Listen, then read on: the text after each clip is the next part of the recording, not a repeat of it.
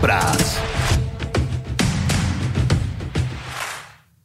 Hallo en fijn dat je luistert naar Paddock Praat, de podcast van Formule 1 Magazine.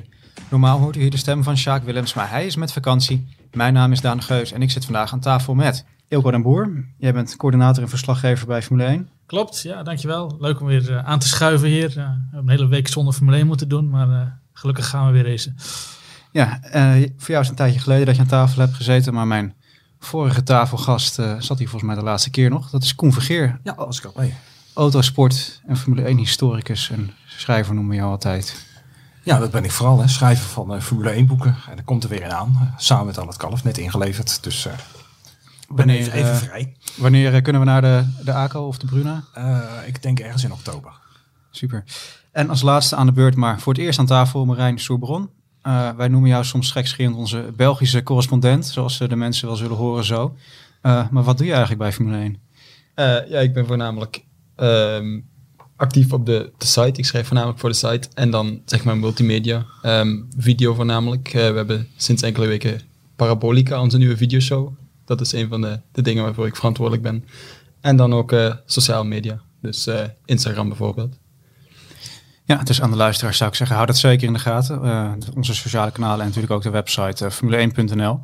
Um, en ja, een van de grotere nieuwsitems daar toch op de afgelopen week was wel het feit dat er drie Grand Prix bij komen. Twee oude bekende en één nieuwe. We gaan naar de Nürburgring, we gaan naar Imola en we gaan naar Portimao. Portimao trouwens de tweede van die drie. En Imola dus de laatste. Um, drie ja, wel bekende namen qua circuits, denk ik. Hoe, hoe kijken jullie daar tegenaan? Koen, misschien met jou beginnen. Ja, met mij beginnen. Ja, ik vind het leuk. sowieso natuurlijk een nieuwe baan. Die ken ik ook niet zo goed, Portimao. En zeker niet met Formule 1 auto's erop. Dus dat is altijd fijn om zoiets te zien. Ik ben heel blij dat Imola erop staat natuurlijk. De, de, daar word je al warm van als je daar oude beelden van ziet. Het zou geweldig zijn om de, de mannen van nu daar weer te zien racen door al die bochten. Tosa, eh, Tamburello. En die, uh, die, die, die chicane daar bovenop die berg. Dat is echt een geweldige spot om te kijken. Dus ja, daar, daar kijk ik wel heel erg naar uit. Dat vind ik wel, vind ik wel apart. En de Nürburgring zelf uh, ja, had ik liever de Nordschleife gezien natuurlijk. maar, maar goed, deze is ook goed. Daar hebben we wel hele mooie races op gezien in het verleden. Dus het spektakel is mogelijk. Het zijn iconische namen, maar ja, zoals de Nürburgring inderdaad. Het is niet de Nordschleife. Het is het Grand Prix circuit. Het grondig verbouwd is, ook de, de beginsector. onlangs nog, nou ja, tien jaar geleden denk ik ook alweer. Okay. Het, is, ja, het zijn mooie races geweest, maar het is niet het meest aansprekende circuit, vind ik. Vrij generiek, hè? Ja.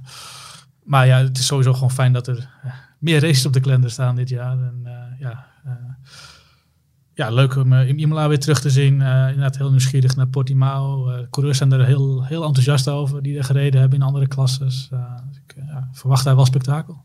Ja, maar ja, inderdaad. Portimao lijkt me wel, met zijn glooiende karakter, lijkt me wel een mooie baan. Hopelijk is dat ook zo voor de Formule 1. Uh, eh. maar uh, Imola, dat heb ik zelf nog nooit gezien tijdens de Formule 1, zeg maar. Natuurlijk, ik heb beelden gezien, maar... Uh, Je bent van een wat jongere generatie. Ja, ik ben inderdaad van de jongere generatie. Dus de laatste keer dat daar geraced werd in 2006, denk ik. Ja, toen volgde ik de Formule 1 nog niet actief, zeg maar. Toen, toen keek ik wel op zondag naar de, naar de beeldbuis, maar verder was ik er niet zo mee bezig. Dus ik ben wel blij om nu ja, de moderne Formule 1 daar aan de slag te zien. Ja. Uh, ik denk dat het echt een super tof circuit is met moderne auto's. Maar ja, we moeten het maar gaan afwachten natuurlijk. Ook of je en hoe je daar kan inhalen. Is het natuurlijk altijd moeilijk geweest in Imola. Wel opvallend ook in Imola. Een, een tweedaags event. Ja, interessant experiment. Uh, ja, al die triple headers nu, het wordt veel voor, uh, voor het personeel. Dus ik denk ook dat ze daarom hebben besloten om dan toch even één dag minder te zijn. Ook ja, heb je ook wat langer om te reizen. Het zijn flinke afstanden tussen al die races. Ja, en in twee dagen minder vrije training en minder data. Dus misschien wat meer onvoorspelbaarheid in de races. En ik denk dat dat de Formule 1 heel goed kan gebruiken. Misschien ook dubbel zo, omdat het dus een circuit is waar ze 14, 15 jaar niet geweest hebben. Ja, ik denk vooral dat toch een, een, Of ik ben zeg maar blij dat ze op deze manier toch een soort van test doen. Aan, uh, Dat ze iets wat sluit, sleutelen aan het, ja, het vaste stramien. Dat ze toch de kans geven om wat nieuws te proberen. Ja, wie weet blijkt het een enorme eye-opener uh, te zijn van hé, wat, wat relaxed eigenlijk. We kunnen het makkelijk in twee dagen af. Het is, het is zo ingesleten om ook op vrijdag uh, dat hele circus af te werken. ik hou er wel van. Maar aan de andere kant denk ik, ja, het is misschien wel een verademing als het ook in twee dagen kan. Ja. is natuurlijk iets waar je nu niet zoveel meer over hoort, maar voor corona eh, ging het heel erg over de veranderingen voor 21 en ook de verandering van het weekendformat. Dus op deze manier toch een soort achterdeurtje misschien om wat uit te proberen en om te kijken wat, Ja. wat misschien volgend jaar al een nieuw format kan zijn. Ze wilden allerlei experimenten doen die dan allemaal van tafel werden geveegd. En dit is er dan een die ze blijkbaar toch door hebben weten te krijgen. En het is natuurlijk ook een enorme bezuiniging als je op zo'n manier gaat werken. Het is gewoon één dag eh, al die mensen minder in het hotel. Alleen dat al. Dus, Wel, eh, wel een kanttekening dat als er straks weer publiek eh, aanwezig mag zijn, dat het juist weer een, een kostenpost is. Want de vrijdag is er weer extra dag dat mensen naar het circuit komen. ik vraag me af of de vrijdag wel zo'n rendabele dag was voor al die circuits. Of ze die, die, die circuits wel vol genoeg kregen over drie dagen. Ik heb ze in China wel eens hele schoolklassen. Ik wil niet zeggen onder lichte dwang, maar ik weet ook niet helemaal of dat vrijwillige, een vrijwillig schooleisje Nee, eh, eisje was. eroverheen. Ja, ja, Ja, dus- het zal verschillen per circuit. Ik denk dat er sommige circuits wel heel, heel zoals Canada zat het altijd wel vol op. eh, Zandvoort was Zandvoort natuurlijk ook zou natuurlijk ook helemaal vol zitten. Dus ja, voor sommige promotors is het wel heel interessant. En anderen die kiezen misschien liever voor een tweedaags evenement. Ja. Dan, eh, Jij noemt eh, Canada, Ilko, met het nieuws dat er dus drie races bij komen. Ook het nieuws dat er vier races niet doorgaan. De, de races in de Amerika's, Canada dus niet. Geen eh, Amerika, geen Mexico, geen Brazilië. Jammer. Zeker jammer, ja, dat, ja eh, het zijn hele mooie races over het algemeen en, en ook gewoon ja, grote markten. Eh, het is, ja, eh, de Formule 1 is een wereldsport, dus die zou ook wereldwijd actief moeten zijn. Eh, er zijn nu wel wat discussies over, is het nog wel een wereldkampioenschap met zoveel races in Europa? Dat, dat vind ik een beetje onzin, want ja, eh, kijk naar het deelnemersveld, die komen wel gewoon uit allemaal verschillende continenten nog. En, eh, Het is natuurlijk ook niet zo dat ze moedwillig eh, die landen links laten liggen nu. Hè? Nee, precies. Het is overmacht. Eh, het blijft de koningsklasse. Eh, ja, in de reglementen van de FIA staat ergens dat om het een wereldkampioenschap te maken, dat er dan drie continenten aangedaan zouden worden. worden. Maar dat is vooral bedoeld voor zeg maar toerwagenklasses of eh, andere kampioenschappen. Dat je ja, niet zomaar het predicaat wereldkampioenschap krijgt. Een regel waar geloof ik dit jaar een soort van zachte streep met potlood doorheen is gezet. Hè? Ja, heeft de FIA al aangegeven dat het eh, niet wordt eh, gehandhaafd. Koen, als ik weer even naar jou mag kijken. Van deze vier toch niet de minste circuits, niet de minste Grand Prix. Welke ga je het meest missen? Qua race in ieder geval Canada. Dat, dat was eigenlijk altijd spektakel. Dat is waar de, een baan waar het meest op gebeurt. Maar ik was zelf ook erg dol op, eh, op de baan in Amerika. Ik vind dat, dat vind ik gewoon een prachtige baan om naar te kijken. Dus dat vond ik dat is meer esthetisch dan zeg maar. Zo die auto's die heuvel op en door, die, eh, door dat Beckett's complex heen. Het was gewoon een hele leuke, uitdagende baan. Of is het nog steeds. Dus die, die zal ik wel missen, ja. Dat vind ik jammer. Marij, misschien voor jou een korte update over een ander circuit waar de race wel doorgaat. Spa. Jij was daar eh, vorige week, de week Eh, ervoor. ik, ik ben er eh, afgelopen woensdag geweest, inderdaad. Ja. Eh, en ja, we dachten gewoon, we, we passeerden daar, het is niet zo ver van waar ik woon. Ehm, en we dachten, we gaan gewoon een kijkje nemen. Ik was er met een vriend en die had nog nooit eh Rouge Gédillon in, in het echt gezien, zeg maar, om echt te kunnen ervaren hoe stijl het daadwerkelijk is. En enkele maanden geleden kon ik gewoon tot, tot aan de baan gaan. En nu was het echt een hermetisch gesloten fort. Er was, was geen inkomen aan. Stonden verschillende toeristen, weet ik welke nationaliteit, allemaal aan de poort, maar niemand die binnen geraakte.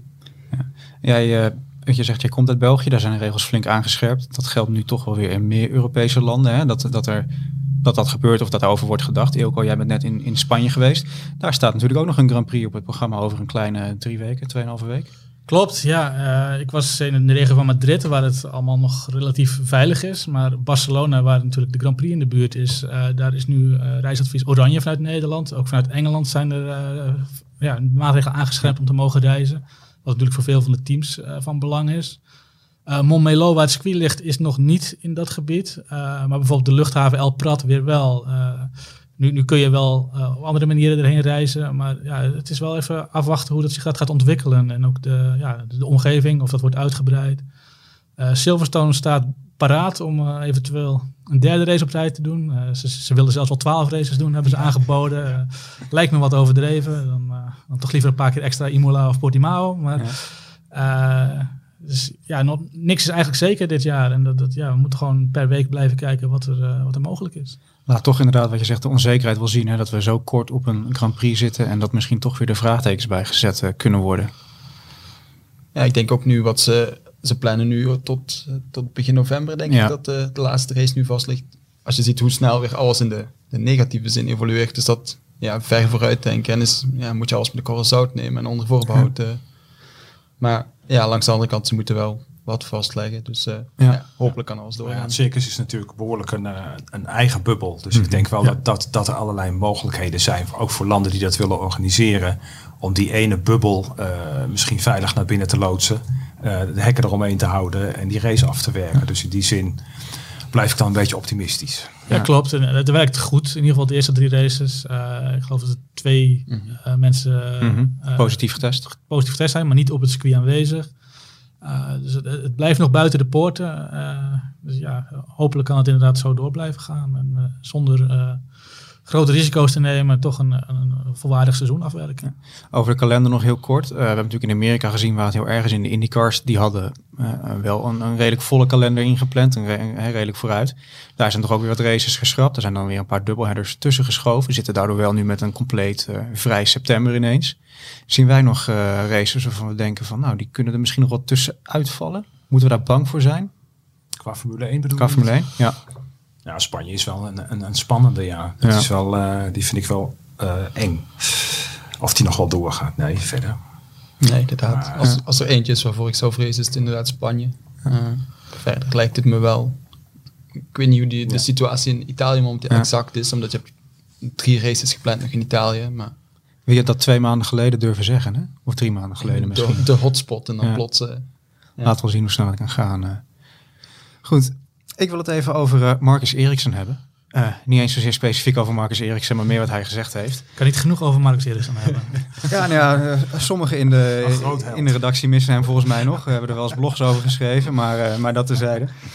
Eh goed, Eriksen die zei eh naar aanleiding van een, een, een, botsing tussen Colton Hurte en eh Rinus Fieke, onze Nederlandse IndyCar-coureur op de, de Iowa Speedway, dat hij toch heel blij was met dat, eh dat aeroscreen wat de IndyCar heeft. Ehm, voor wie het niet weet, de aeroscreen is zoals de naam aangeeft een soort scherm om de cockpit. Eh zie je het als een soort halo met eh, ja, hele stevige, nou, het is geen glas, het is kunststof, maar hele stevige ruiten ertussen. Ehm, ja, wie foto's heeft gezien van VK's auto zag dat hij toch wel een flinke optater had gekregen in het, in het aeroscreen gedeelte. Eh dat aeroscreen van Ericsson eh, ving ook het een en ander brokstukken op. En vandaar dat hij zijn zegeningen telde, zoals je dan zegt. En ook reden voor hem om te zeggen van nou, dat aeroscreen, dat is misschien toch wel de toekomst, ook voor de Formule 1. Ja, er moet maar een dak op, hè. Het is duidelijk. Eh, het is, eh, ja, als ik naar die aeroscreen in Amerika kijk, Ja, de eerste keer dat ik foto's van zag was van voren.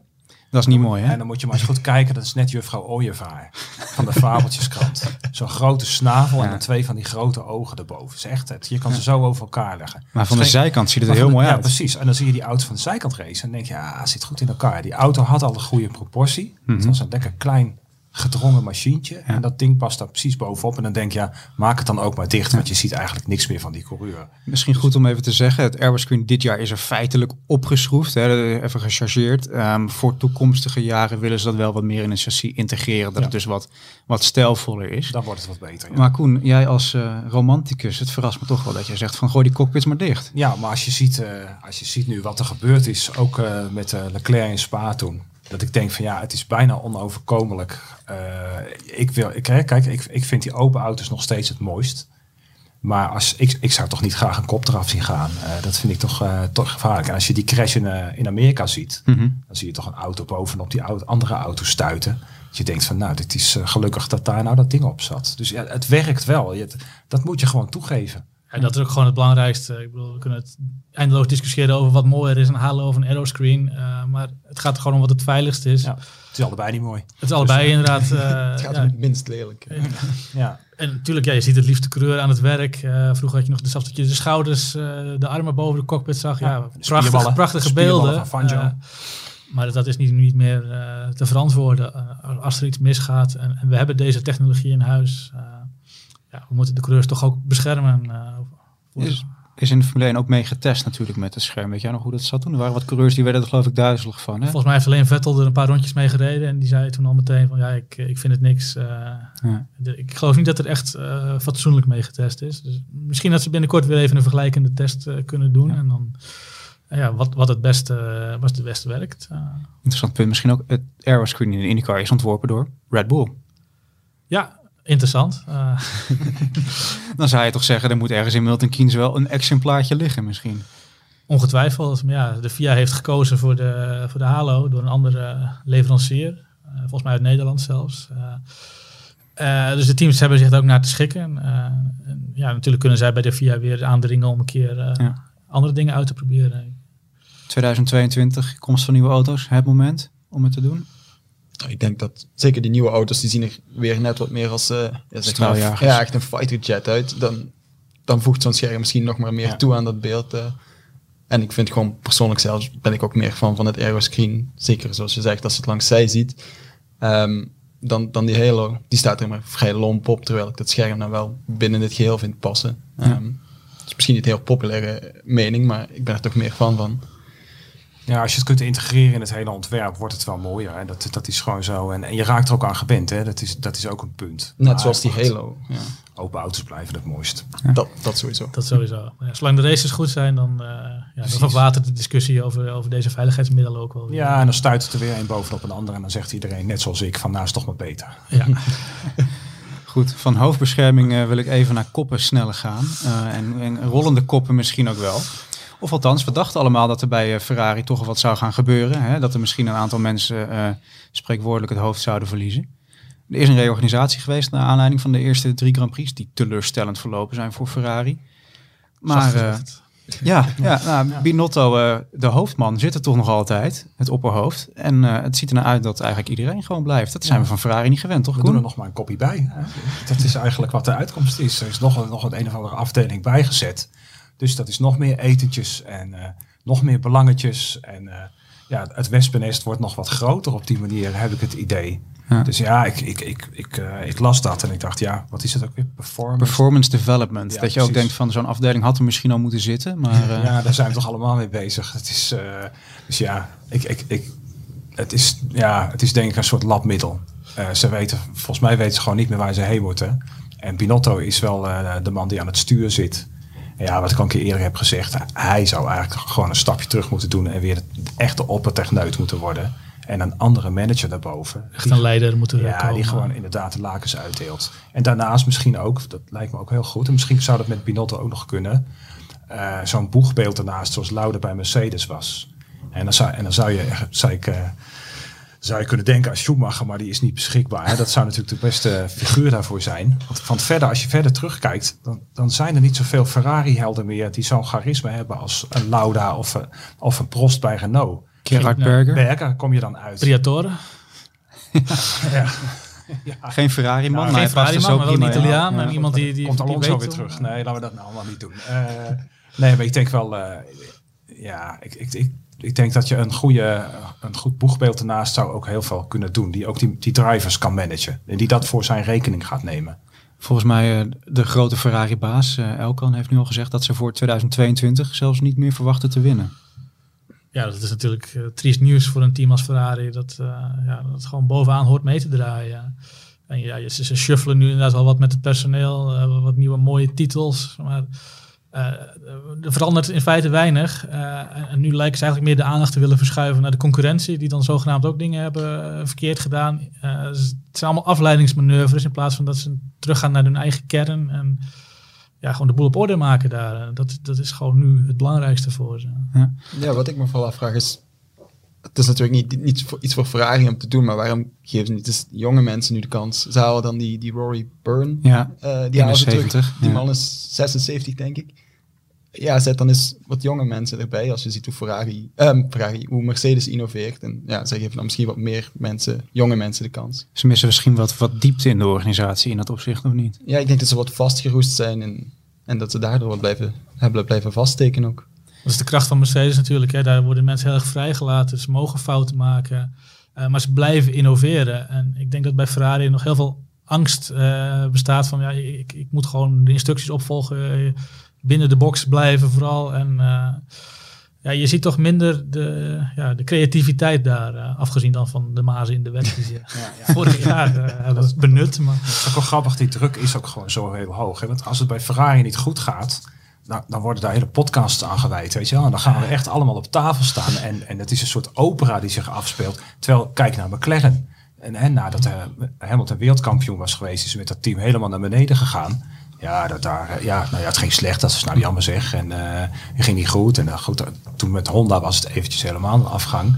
Maar maar niet zo'n ja, niet zo'n operette als, als, als, als iedere keer rondom Ferrari. Dat, dat mag niet falen Ja. op een of andere manier. Ook van ons niet, hè? Ja, dat is de charme van Ferrari. Ja, natuurlijk. Het faalt bijna altijd, dus dat, dat maakt het ook zo leuk. eh, dat- Ja, ja het is tragisch. Een opera moet tragisch zijn. Dan is die eigenlijk het beste, ja. Maar ja, daar heb je ook dat leiderfiguur dan weer voor nodig, die ja, die, die PR-kant eh, kan bedienen. Eh, Ja. De bliksemafleider eigenlijk is voor het, de rest van het personeel die gewoon wel hun werk kunnen doen. Ja. En nu lijkt wel iedereen onder vuur te liggen daar. Goed, we gaan eh, straks naar Silverstone. Twee races daar. Lange rechte stukken, snelle bochten. Extra lastig voor Ferrari lijkt me nu, eh, of niet? Ik denk dat we daar niet echt eh, vuurwerk hoeven te wachten, verwachten van ze.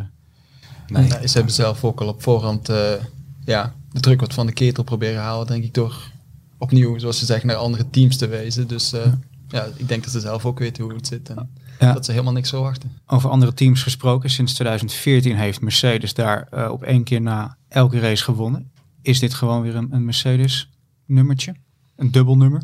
Waarschijnlijk wel. Mercedes is er heel sterk. Hamilton is er altijd heel sterk. Eh, ik denk ook zonder de Britse fans, eh, de beste fans eh, dit keer.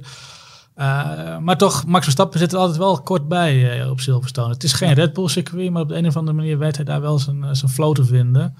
Ja, natuurlijk, Red Bull gaat ook niet ideaal dit seizoen, maar ik, ik, ik denk dat die nog wel in de buurt kunnen blijven. Zeker beter dan Ferrari. Ja.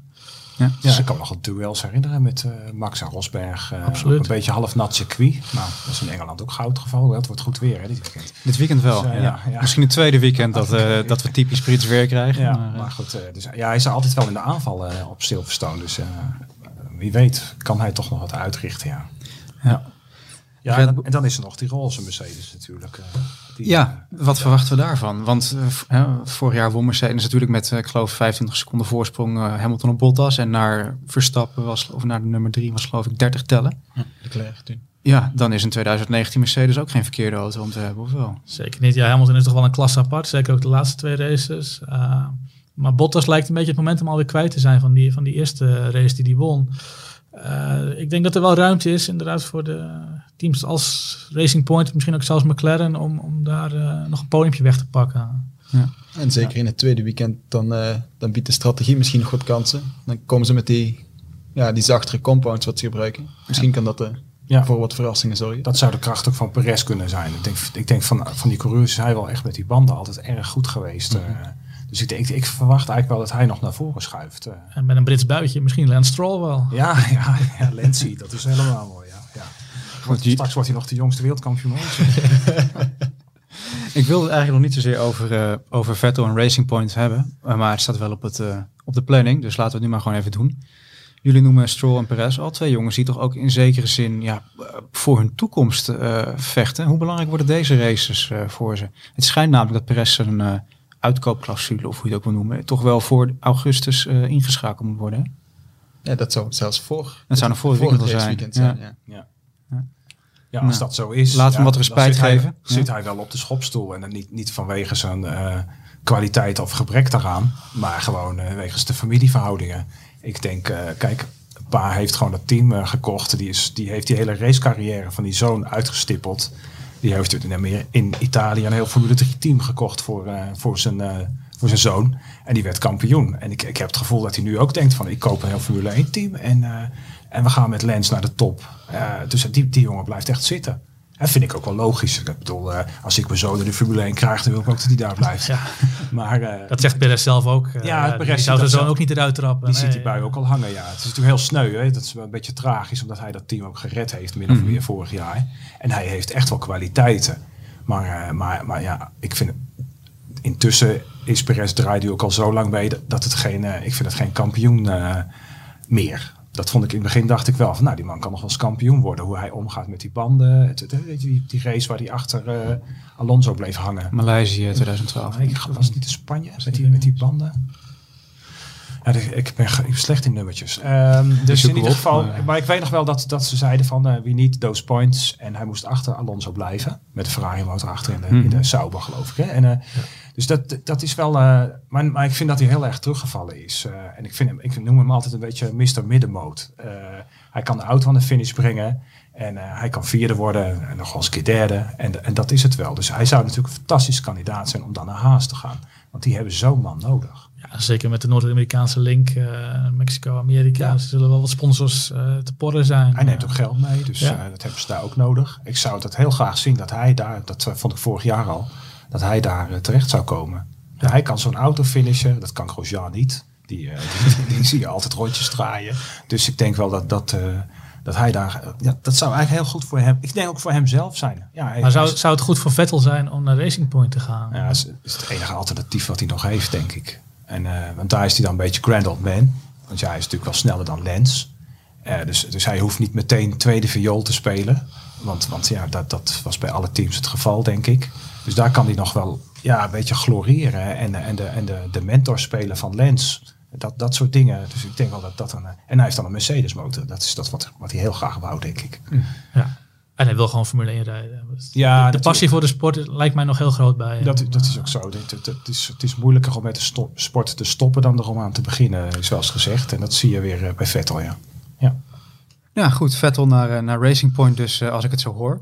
Ehm, daarmee zijn we eigenlijk ook aan het einde van, eh, van de aflevering van vandaag. Althans, bijna aan het einde, moet ik zeggen. Want omdat Koen hier natuurlijk in de studio zit, doet hij eh, de uitgeleide met een eh, speciale eh, uitvoering van zijn uitloopstrook over Alex Zanardi dit keer. Eh, voor nu in ieder geval alvast bedankt, eh, heren, aan tafel voor het meepraten. En aan de mensen thuis, bedankt voor het luisteren. Koen, het is aan jou. De uitloopstrook van Koen. Alex Zanardi. Soms lijkt het leven enkel uit botsingen te bestaan. Neem Alex Zanardi. De vrolijke, goedlachse Italiaanse Formule 1-coureur... die begin jaren 90 racete voor Team Lotus.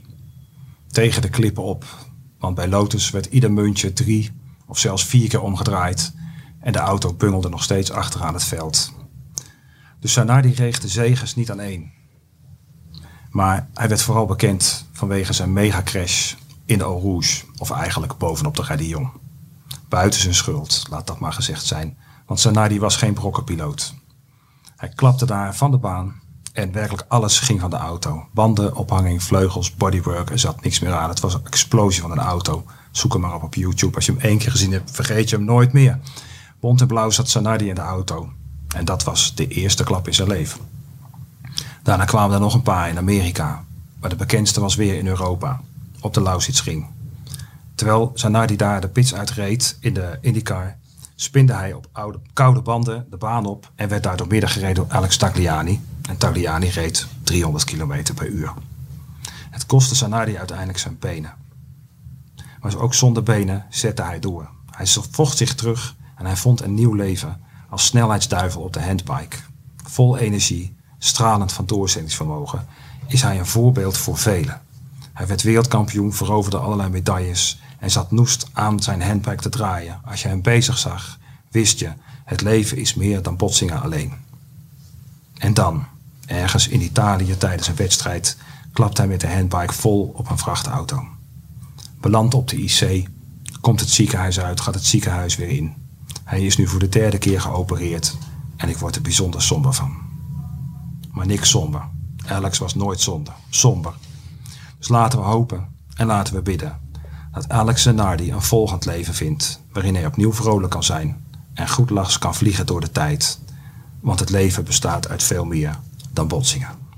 Deze podcast van Formule 1 Magazine is geproduceerd door Hassan El Maroudi van podcastservices.nl, Jonathan Leij en Almar Uilenbroek.